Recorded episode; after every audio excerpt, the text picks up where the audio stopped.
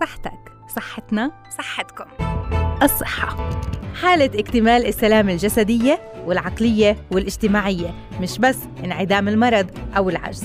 حافظ على صحتك لتعرف قيمتها قبل ما تفقدها وتحافظ على الوسادة الناعمة اللي رح تستند عليها أيام شيخوختك لتضل بصحتك تابعنا ببرنامج الصحة عال إعداد وتقديم سماح منصرة لتضلها صحتكم عال العال.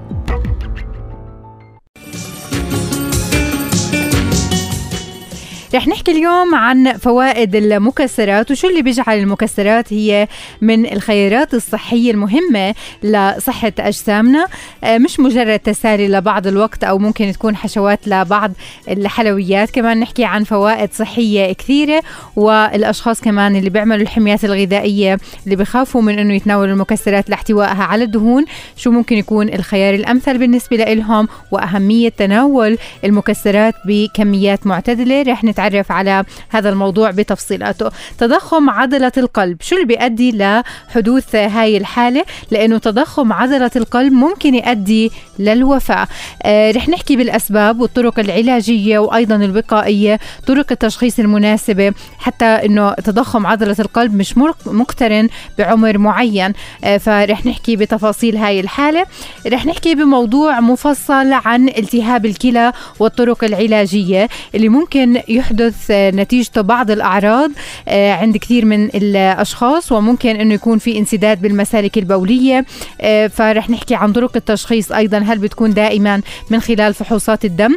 وهل السيدات عرضة لحدوث التهابات آه، الكلى بعد انقطاع الطمث وهذا الموضوع رح تكون ضيفتنا بالاستوديو الدكتورة نسيم شويكي استشارية أمراض الكلى وزراعتها لحتى تحكي لنا عن التهابات الكلى والطرق العلاجية ومعكم بالأعداد والتقديم التقديم من وراء الميكروفون أنا سمح مناصر حيا الله فيكم. العديد من المستمعين اللي بيرحبوا بالدكتورة نسيم شويكي. رح تكون ضيفتنا لحتى تحكي لنا عن التهابات الكلى والطرق العلاجية لكن أولى مواضيع برنامج الصحة عال كمان لليوم. رح نحكي عن تضخم عضلة القلب وعلاجها لأنه بيزداد آه أو في حال حدوث تضخم لعضلة القلب ممكن ممكن يكون سبب للوفاة وبيؤدي أيضا لضعف الجسم. المصابين فيه بيصيبهم حالة قلق لأنه بيؤدي بمضاعفات خطيرة عليهم. آه اليوم نحكي عن الأسباب بتؤدي لتضخم عضلة القلب وكمان الطرق العلاجية والوقائية. قديش ممكن إنه إحنا نبعد حالنا عن آه، كل المسببات لحدوث آه، حالة تضخم القلب اللي ممكن تؤدي للوفاة رح نحكي أكثر بهذا الموضوع مع الدكتور صبحي الشيد استشاري الأمراض الباطنية والقلب. أهلا وسهلا فيك دكتور يسعد مساك. أهلا وسهلا مساء الخير لكل الإخوة المستمعين. أهلا وسهلا بحضرتك. دوام الصحة والعافية. إن شاء الله يا رب. دكتور اليوم نحكي عن تضخم عضلة القلب. بداية شو اللي بيصير؟ وكيف ممكن تظهر هاي العلامات؟ طبعا بدي احكي لمحة صغيرة إنه القلب عبارة عن عضلة آه، مكونة من أربع آه، فجوات. وظيفتها تضخ الدم إلى جميع أعضاء الجسم.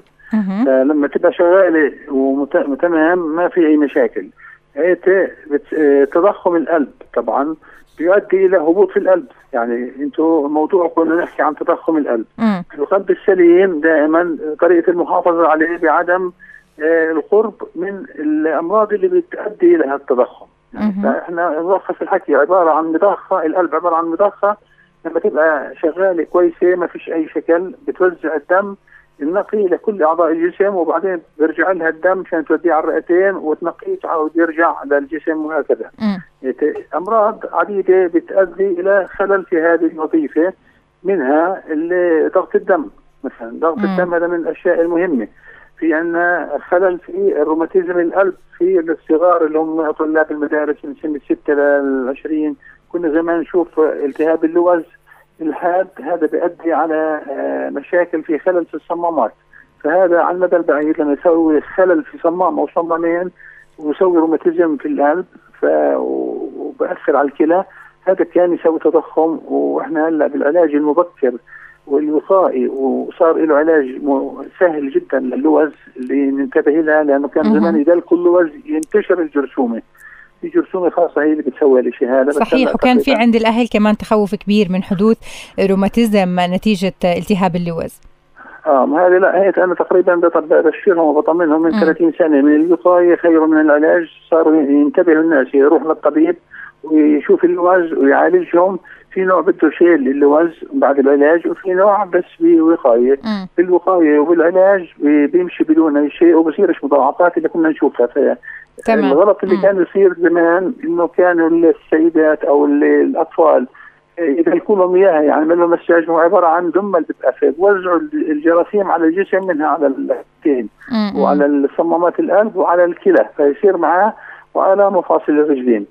فهلا هذا شبه اختفت ليش؟ لأنه المريض بيروح بسرعة وبيتحكم بسرعة وبياخذ العلاج المستمر تمام. طيب دكتور بس إنه بنحكي كمان عن يعني أسباب كثيرة بتؤدي لحدوث خلل بوظيفة القلب، إذا صار في تضخم بالقلب كيف ممكن تظهر الأعراض المبدئية على الشخص المصاب؟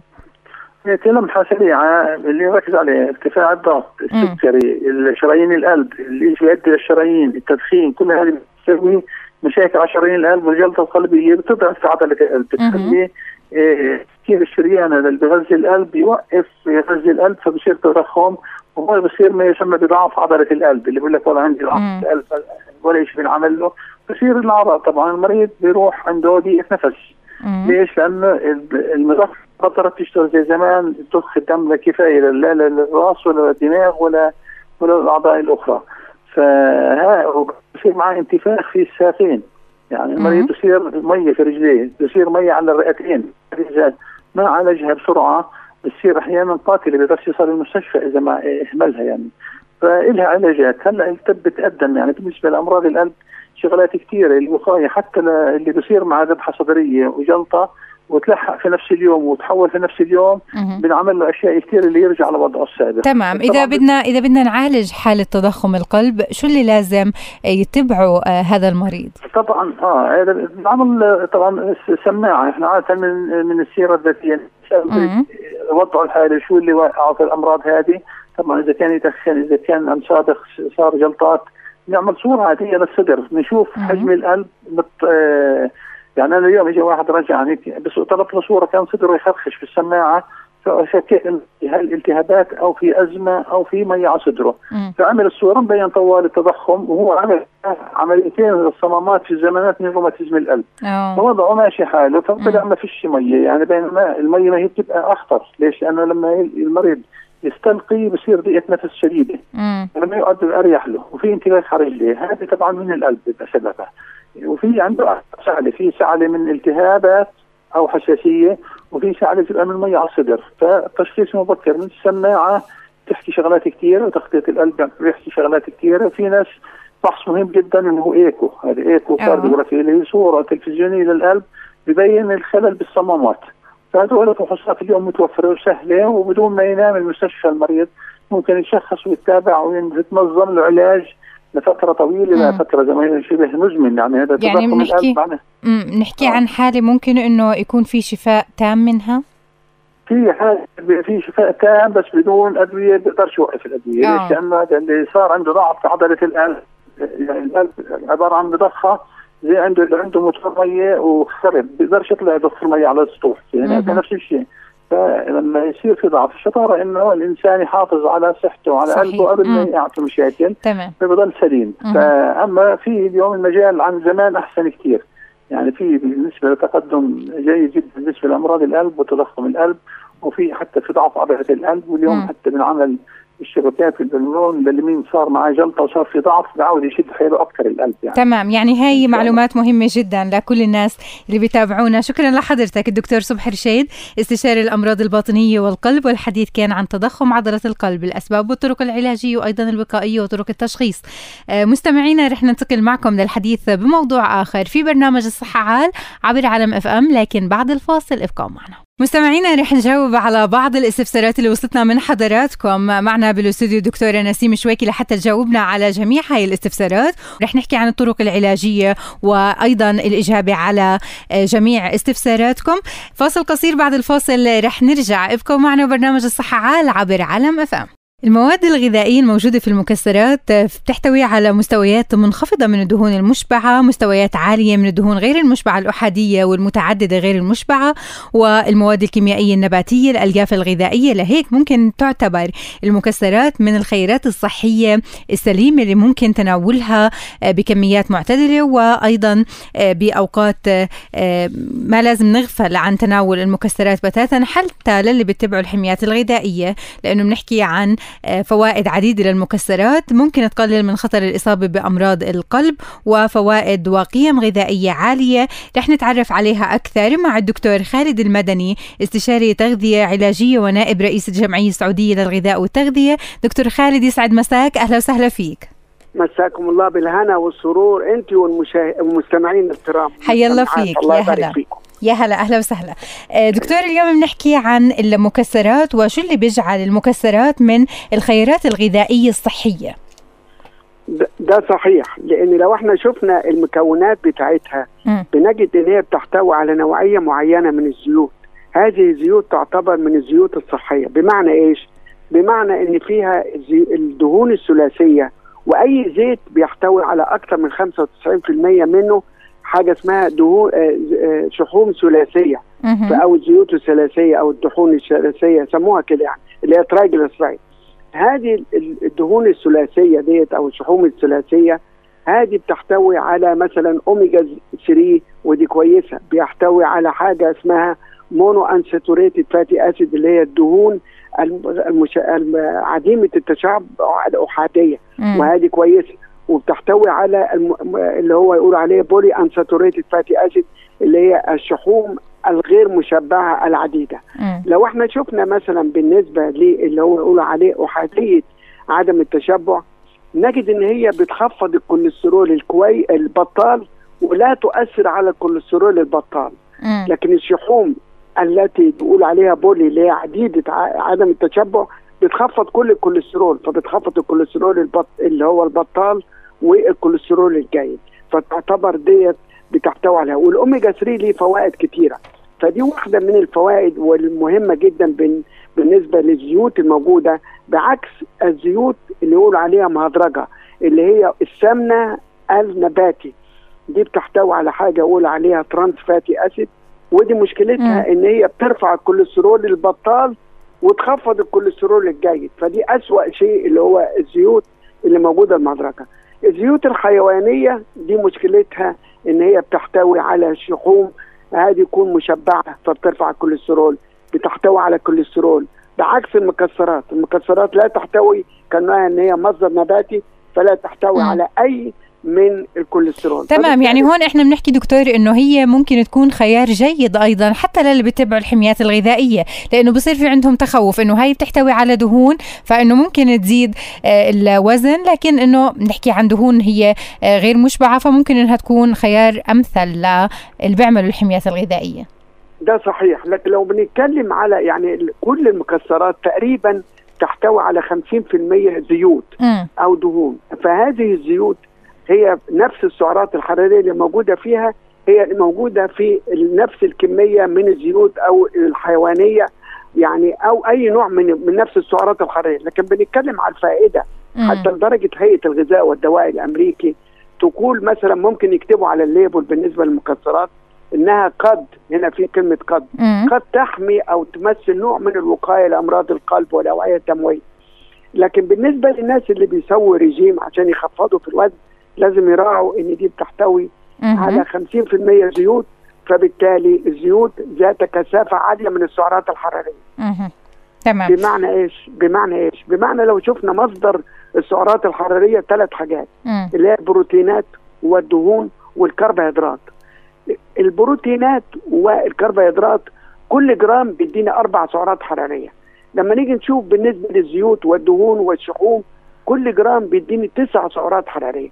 فيقولوا عليها أي نوع من الزيوت والشحوم ذات كثافة عالية من السعرات الحرارية. طيب كمان نحكي عن فوائد تانية ممكن تحمل لنا إياها المكسرات آه، اللي ممكن آه، يعني ناخذ كمية أيضا مناسبة منها. شو ممكن أنه كمان آه، نحصل على فوائد غذائية؟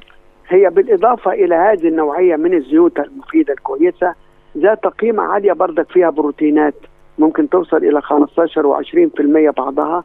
كمان فيها بعض المعادن زي الفوسفور والزنك ومعادن كتيرة. فبرضك تعتبر ذات قيمة غذائية كويسة. كمان بتحتوي على كمية من الفيتامينات. برضك دي تعتبر شيء كويس. يعني لو إحنا شفنا المكسرات يعتبر ذات قيمة غذائية عالية لأن بتحتوي على كمية عالية من المعادن بعض المعادن وبتحتوي على كمية عالية من بعض الفيتامينات. ودي تمثل شيء كويس ومفيد لجسم الإنسان. لأن هنا لو إحنا مثلناها مثلا بنقول عليها جانك فود أو الأطعمة الخاوية نجد إن دي بتحتوي على فيتامينات ومعادن وبروتينات ودهون وطبعا بالإضافة إلى بعض الكربوهيدرات. لكن لو إحنا شفنا الأطعمة الخاوية نجد إن هي بتحتوي بس على سعرات حرارية. لا تحتوي على أي فيتامينات ولا تحتوي على أي معدن ولا تحتوي على بروتينات.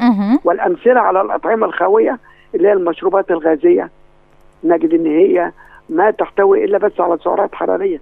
نجد مثلا اللي يقول عليه الشيبس لا تحتوي على أي فيتامينات ولا معادن ولا بروتينات. كل مصدر الطاقة اللي فيها عبارة عن دهون وكربوهيدرات. طيب إحنا لازم نتناول المكسرات بشكل يومي ولا ممكن إنه نتناول كمية بفترات متباعدة؟ وقديش لازم تكون هاي الكمية كمان؟ يعني كل 30 جرام تقريبا من المكسرات ممكن يديني 200 سعر حراري. فأنا لازم أحط في بالي المكسرات كمفيدة ممكن أخليها من ضمن الحميه الغذائية بس أحسبها على أساس إن هي عالية في السعرات الحرارية. م. فهنا لازم أراعي في إن أنا ما اكترش منها من منطلق إن هي بتحتوي على 50% تقريبا. لما أقول تقريبا إن في بعضها بيحتوي على 60 و70 وبعضها بيحتوي على 30 و40 فالمتوسط تقريبا 50% دهون وزيوت وبالتالي هنا ذات كثافه عاليه من السعرات الحرارية. تمام يعني أخدتها اذا أخذتها لازم أراعي إن تكون جزء من الحميه الغذائية صحيح جزء صحيح. من السعرات الحرارية. آه. ونعرف شو بدنا نتناول كمان خلال يومنا. يعني أكيد هاي المعلومات مهمة. شكرا للأستاذ خالد المدني استشاري تغذية علاجية ونائب رئيس الجمعية السعودية للغذاء والتغذية. يعطيك ألف عافية. في برنامج الصحة عالة اليوم كمان. رح نحكي عن التهاب الكلى كيفية الوقاية من حدوث هاي الالتهابات. ليش بتحدث بالتحديد؟ ونجاوب على العديد من الاستفسارات كمان اللي بتوصلنا منكم مستمعينا عبر صفحتنا على الفيسبوك. معنا بالأستوديو الدكتورة نسيم ناصر. درويش شويكة استشاري أمراض الكلى وزراعتها وحاصلة على البورد الفرنسي والفلسطيني. معنا بالاستوديو الدكتورة نسيم يسعد صباحك. يسعد مساكي. مساء الخير للجميع مساء الخير سماح مساء الخير وسهلا لكل الموجودين في الاستوديو. يسعد مساكي. دكتورة اليوم بنحكي عن الكلى. بداية خلينا نحكي عن وظيفة الكلى بالجسم. كيف ممكن أنه تأدي وظيفتها وشو اللي بيؤدي لخلل في هاي الوظائف؟ مساء الخير لجميع مستمعينا ومستمعي الجميع. بالبداية قبل ما نبدأ نحكي عن مرضى الكلى ومشاكل الكلى بحب أهني الأمة الإسلامية بذكرى الإسراء والمعراج لهذا اليوم. أكيد. وشكرا لك على هذا البرنامج وعلى هذا الموضوع الحلو اللي اضطرنا له قبل فترة بسيطة من رمضان. مم. هلا مشاكل الكلى كثيرة وعديدة. السؤال الأول ما هو أمراض الكلى بالنسبة لك؟ أه؟ أو الكلى بالتحديد وظيفتها بالجسم. وظيفة الكلى. الكلية في الجسم بتقوم بأكثر من وظيفة. لو بدنا نختصرها بكلمتين هي عبارة عن وظيفة تصفية وتنظيم في الجسم. تصفية أو تخليص الجسم من جميع المواد السامة والأملاح الزائدة وتنظيم لنسبة الأملاح الماء في الجسم لنسبة الحمضيات اللي في الجسم وأكثر من وظيفة. لها وظائف هرمونية وظائف تتعلق بتنظيم ضغط الدم عن طريق التحكم بكمية الأملاح والماء الموجود في الجسم وظيفة أيضا وظائف أخرى تتعلق بالعلاقة بالعظام عن طريق تنظيم كمية الكلس الهرمونات معينة الفيتامين د العلاقة كمان بالدم. لأنه بتفرز هرمون خاص بتحفيز كريات الدم الحمراء على صناعة الدم. تمام. فلها أكثر من وظيفة اللي غير متعهد علينا ومعروفه هي فهي أساسية وشاملة لكل مم. للحيوية الجسم بأكمله. يعني هلا ممكن إنه لخلل معين بالجسم إنه الكلى ما تقوم بوظائفها المتعددة وممكن إنه يعني تجتمع أكثر من وظيفة إنه الكلى غير قادرة على أدائها. فشو اللي بيؤدي لحدوث مشاكل الكلى؟ إحنا بنحكي عن فشل كلوي أو قصور كلوي بنحكي عن فقدان تدريجي لوظائف الكلى. هلأ الأسباب متعددة بنقسمهم لنوعين ممكن يكون القصور أو الفشل الكلوي حاد أو مزمن وطبعا أسبابهم مختلفة. بالنسبة للقصور الكلوي المزمن آه يعني أكثر الأسباب الموجودة عندنا هي وجود أمراض أخرى في الجسم مزمنة غير معالجة بشكل صحيح. آه وأكثر شيء اللي هي آه، أمراض ارتفاع ضغط الدم مم. عدم السيطرة على ضغط الدم. آه، وأمراض السكري المنتشرة عندنا بشكل كبير. مم. ومن الأمراض الأخرى ممكن تصيب كمان هي الالتهابات المزمنة الالتهابات المتكررة عدم علاجها بشكل صحيح آه، وجود نقص في السوائل في الجسم العادات السيئة في نوعية الأغذية. وفي أمراض إحنا ما لنا علاقة فيها اللي هي الأمراض ممكن تكون جزء وراثي وجيني أو تشوهات خلقية في المسالك البولية. وعلى مر الزمن بتؤدي إلى آه، القصور أو الفقدان الوظيفي المتدرج للكلى أه. بشكل تدريجي. تمام. يعني بنحكي ممكن دكتورة كمان هون عن أكثر الأسباب اللي ممكن تؤدي لالتهاب الكلى واللي إحنا ممكن ما نعطيها أهمية اللي هو عدم معرفتنا بالمواد الغذائية اللي إحنا بنتناولها. قديش في علاقة بتربط ما بين آه، الصحة وما بين أيضا الأصناف الغذائية اللي بنتناولها منها التهابات الكلى اللي ممكن تكون الوقاية منها بإبتعادنا عن بعض أنواع الأغذية مثلا. صحيح هذا آه، شيء وارد وعليه دراسات كثيره كمان إنه آه، الصحة الجسدية وصحة الكلى لها علاقة كثير بالتغذية والسوائل. أنت طرقتي لجانب من هاي الأمراض اللي هي الالتهابات البول اللي لها علاقة بالتغذية والسوائل. صحيح معظم نلاحظ إنه معظم الناس اللي بتصيبهم أمراض التهابات البول المتكررة آه، بيكون عندهم سوء في تغذية أو نقصان سوائل بالإضافة إلى أمراض أخرى هم ما بيقدروا يتحكموا فيها. من الأسباب الوقائية أو نخفف من نسبة التهاب البول إحنا دائما بننصح بالإضافة إلى الطرق العلاجية الطبية للمضادات الحيوية والأخرى والمقويات بننصح بكثرة السوائل والتقليل من الأدوية من الأغذية اللي فيها البهارات الموالح الأشياء اللي فيها تقصر الحموضه أو بتخلل أو بتعمل عدم توازن في التركيبات البكتيرية آه، النافعة الموجودة آه، في عنا. تمام. بحكي لنا كمان زميلنا إنه المشروبات الغازية نبتعد آه، عنها. أنا هو شوي هذا موضوع كبير هي المشروبات المشروبات الغازية. أي نوع من المشروبات اللي فيها مواد حافظة مواد ملونة المشروبات الغذائية مشروبات الطاقة والمشروبات اللي فيها شيء بتعطي شوية بتزيد الأكسدة الداخلية آه. للكلية أو بتقلل آه. من حيوية الوظائف الداخلية للخلايا داخل الكلى معظم المواد اللي بنشربها اللي فيها مواد غازية ومؤكسدة وطاقة هي بتؤدي إلى زيادة نسبة الأكسدة الداخلية للكلى وبالتالي بتسرع من أمراض الكلى والأكثر منه بتسرع كمان من التهابات الكلى خاصة إذا كان الإنسان هذا بيشرب هاي المشروبات بشكل بحثي وكثير وبيشربش السوائل الصحية الأخرى. تمام. هلأ بتحدث مشكلة التهابات الكلى. آه، شو أبرز الأعراض اللي بنحكي عنها مبدئية بالإمكان إنه تظهر؟ وبعض الأعراض اللي ممكن تكون صامتة في بدايتها لكنها تكون يعني خطيرة على الصحة هو صراحة أنا بالأحكي قبل ما نحكي عن هاي الأعراض بدي اميز أميز شوي بين التهابات الكلى هو م. المصطلح آه، بنقسم الالتهابات المسالك البولية أو المجاري البولية لقسمين التهابات اللي بتصيب المسالك البولية السفلى م. اللي هي المثانه والاحليل وما أسفل أو الالتهابات اللي بتصيب الكلية آه، بالجانب العلوي طبعا م. الأعراض في أعراض متشابهة وفي أعراض تختلف خاصة هلأ لما نحكي عن التهابات في المسالك البولية السفلى. إحنا بنحكي أكثر إنه عن أعراض خلال إحنا بالتبول. بشعر بتشعر الإنسان المصاب بهذا الالتهاب إنه في إلحاح للتبول في عنده سلل سلس في البول. آه تبول بشكل متكرر آه كميات قليلة مع وجود آه حرقان في البول تقطيع في البول. واحيانا آه المرضى بيحسوا إنه آه، في وجود حرارة في جسمهم آه تعب غثيان آه فقدان للشهية وهيك لما تدخل لمراحل إنه في عندي أعراض عامة على الجسم أنا بكون أكثر بشك في التهاب في آه المسالك البولية طيب العليا اللي هي الكليتين هاي الحالة ممكن تظهر عند كبار السن أكثر؟ هو كل إنسان معرض للالتهابات في البول. مم. في آه، نسبة إنه التهاب البول بتكون مصابة أكثر في فئة معينة هم الكبار في السن. أو السيدات آه، في مراحل معينة من العمر هلأ ال ال الأسباب لالتهاب إنه هذه إنه تنتشر في جزء آخر معين أكثر من ناس آخرين لها علاقة بالتركيب البنية التشريحية وأيضا إلى وجود أمراض أخرى تساعد على تقليل المناعه بالجسم وبالتالي بصير عندهم الالتهابات المزمنة. آه، كمان نحكي عن الأعراض للالتهابات اللي بتصيب المسالك العلوية. هلا لما نحكي عن التهاب في الكليتين أو المصطلح الطبي هو البيلونيفرايتس إحنا بنحكي عن التهاب في الأنسجة اللي بتصيب الكلية نفسها. بما اني أنا انتقلت لالتهاب في الكلية آه، ممكن المريض بيحس بالأول اللي هو الإعياء العام والتعب العام آه، الحرارة آه، الغثيان قيء آه، آلام في اسفل في الظهر أو الخصرتين من الظهر بالإضافة إنه بيكون عنده كمان أعراض للتبول آه، آه، الملح أو الحرقان في البول والتقطيع بالإضافة المصاحب للالتهاب المثاني. تمام. لأنه مصدر البكتيريا إذا كان التهاب المسالك البولية السفلى غير معالج وانتقل إلى التهاب الكليتين حننتقل للأعراض الأخرى. إذا كان التهاب البول هو جاي من التهابات في الدم برضه حيصيب الكيتين على طول. آه، رح نحكي بهذا الموضوع كمان بالتفصيل ونتطرق كمان للطرق العلاجية معكم مستمعينا. ابقوا معنا وبرنامج الصحه عال مستمعينا رح نجاوب على بعض الاستفسارات اللي وصلتنا من حضراتكم. معنا بالاستوديو دكتورة نسيم شويكي لحتى تجاوبنا على جميع هاي الاستفسارات.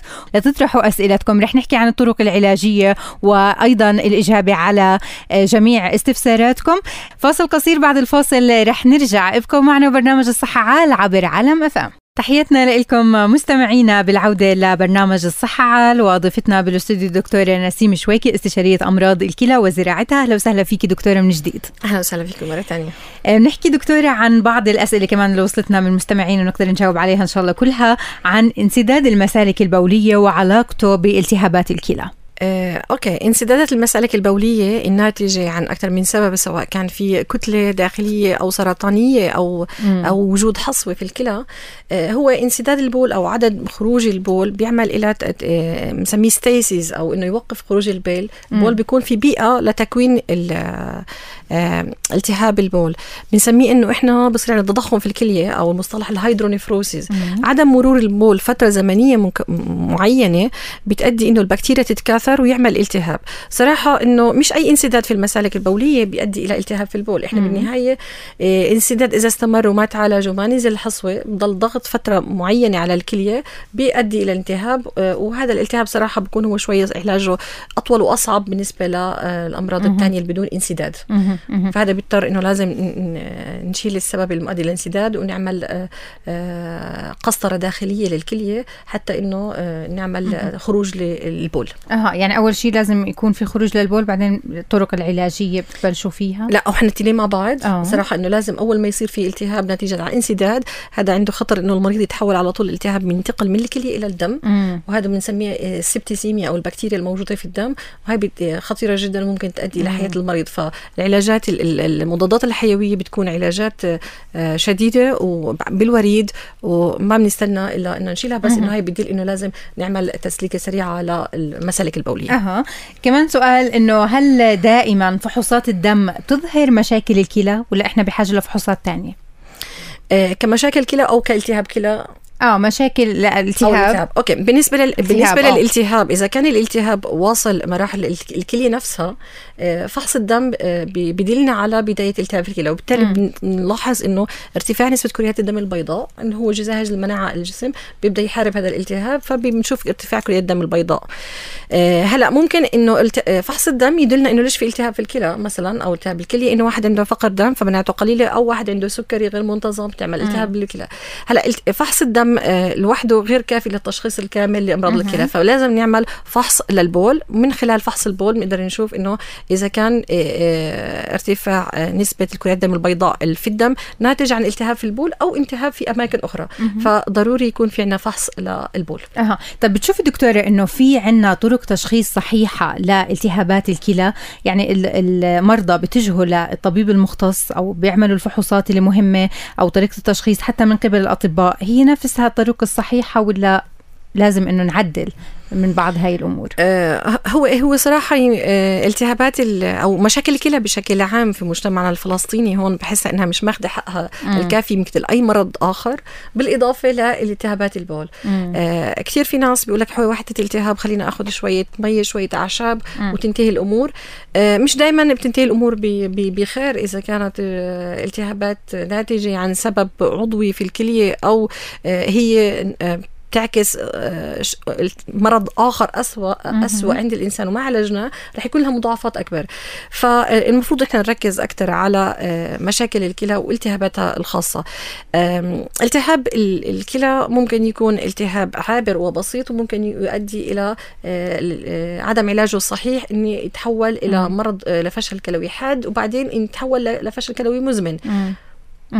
يعني هون كمان بعض الأسئلة مين الأكثر عرضة للإصابة بالتهابات الكلى آه، السيدات أو الرجال؟ هم السيدات آه، عرضة أكثر لالتهابات المسالك البولية بشكل عام أكثر من الرجال بنسبة 10 إلى 1 تقريبا هي آخر دراسات.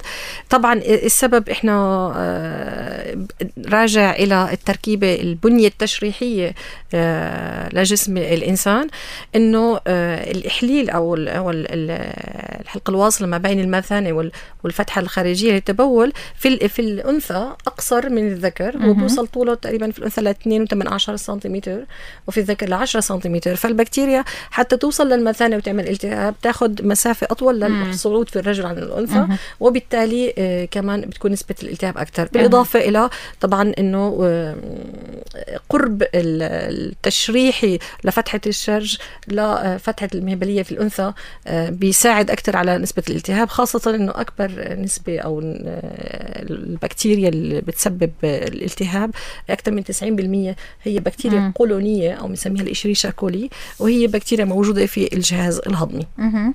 طيب كمان أنه في أعمار معينة من النساء ممكن يكونوا عرضة للإصابة بالتهابات الكلى؟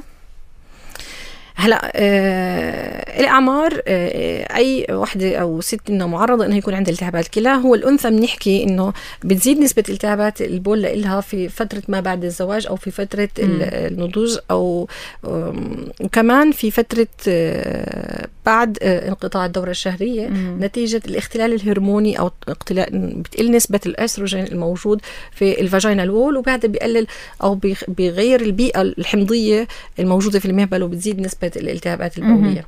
هلأ ممكن إنه نشك إنه التهابات بول بتيجي للبنات اللي في عمر صغير جدا أقل من خمس سنوات. هذا ممكن نفكر بخلل عضوي أو ارتداد في المثانه وهدول آه، لازم إنه إحنا ناخذهم على محمل الجد لأنه آه، عدم الانتباه لهذا الالتهاب ممكن يؤدي إلى التهاب في الكلى وكثير من المرضى اللي بيغسلوا أو عندهم فشل كلوي مزمن على عمر 17 و20 سنة من الصبايا هو سببه التهاب البول اللي ما تشخص في آه، مراحل الحياة الأولية. تمام. وأيضا سؤال سؤال إنه هل التهابات الكلى ممكن تكون وراثية؟ آه هو مش إنه التهابات الكلى بحد ذاتها تكون وراثية. هلأ من الأسباب لالتهابات الكلى زي ما حكينا إنه نقص المناعة في الجسم. فإذا مم. الإنسان هو مولود بمرض مناعي أو نقص مناعة أو مشكلة في آه، المناعة له ممكن تؤدي لالتهابات هلأ السبب التالي ممكن يكون وراثي إنه آه مشكلة خلقية في المسالك البولية. مم. عند المريض آه، ارتداد البول أو عنده مشكلة في المثانة عصبية أو بفضيش المثانة بشكل دوري مستمر ناتجه عن آه، مشكلة جينية أو خلقية هون بيكون عنده التهابات بول. في بعض الأمهات كمان بيسألونا إنه عندهم آه، يعني بنات صغار إنه بتأخروا لما يروحوا على الحمام بضلهم انهم بدهم يروحوا بس إنهم بيأخروا هذا الموضوع. هاد بيكونوا عرضة لحدوث مشاكل الكلى؟ لأنه بنسمع كثير من أمهاتنا بيحكوا بإنه هاي ممكن تكون أسباب. هو صراحة من من الأسباب أو الأشياء اللي إحنا بنقول وقائية لمنع التهاب البول أو تكرر التهاب البول انه إنه ما آه، يأخر في آه، أو ما يحبس فترة البول فترة طويلة في المثانة البولية لأنه إذا تأخر عليه أكثر من فترة زمنية بس بيسمح ل ارتداد البول أو الالتهاب في المثانة. طيب نحكي كمان دكتورة عن الطرق العلاج أو الطرق الوقائية للكل لحتى يتجنبوا حدوث هاي الالتهابات. شو لازم نعمل؟ هلأ الطرق الوقائية هي أهم شيء هي شرب السوائل بشكل كبير وكافي. وشرب السوائل الصحية اللي بتساعد على تقليل الالتهابات مش إنه السوائل اللي بتؤدي إلى زيادة نسبة الأكسدة الداخلية في الكلى. آه، رقم اثنين آه، التغذية الصحية زيادة نسبة المكونات آه، في غذائنا الفيتامين سي بتزيد كمان إنه من المناعة الداخلية بجسمنا التبول بشكل منتظم ومستمر وعدم حشر البول. فترة طويلة. هلا بعدين إنه نصائح نعطيها لكل فئة بفئتها حسب السبب للبول. إذا تكرر التهابات البول أكثر من مرتين في ست شهور أو ثلاث مرات في السنة المفروض نعمل فحوصات نعرف ليش في عنا آه، التهابات بول آه، متكررة حتى نعالج السبب ونبتدي كمان نمتنع من المضاعفات الأخرى. أها. إذا مثلا حدثت مشكلة البول ممكن يرافقها كمان حدوث مشكلات تانية آه، في صحة في صحة الجسم بشكل كامل. وهون تكون يعني كثير من الأشخاص عرضة إذا ما تمت العلاج أو ما تم العلاج بشكل سريع إنه يصير مضاعفات بالجسم.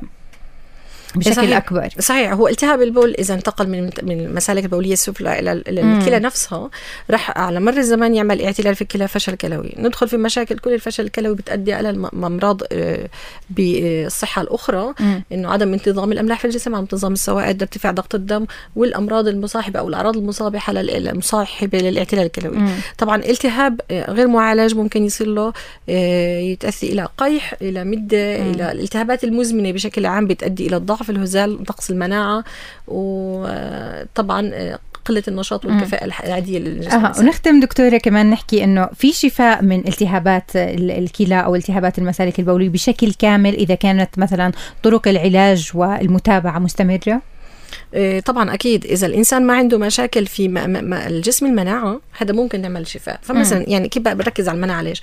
المرضى اللي عندهم سرطانات أو بياخذوا علاج كيماوي هذا مناعتهم قليلة. المرضى اللي زارعين للكلى بياخذوا بتقلل المناعة مناعتهم قليلة. المرضى اللي عندهم سكري غير منتظم هذول قد ما تعالج التهاب البول رح يتكرر إذا ما عالجنا المشكلة الرئيسية وقوينا جسم المناعة. فاما التهابات البول العادية اللي بتصيب معظم الناس في المجتمعات العادية طبعا هاي بتتعالج ويتم الشفاء منها. أها بشكل كامل. كانها التهابات بكتيرية. وفطرية وأخرى فيقضى على البكتيريا بشكل صحيح أه.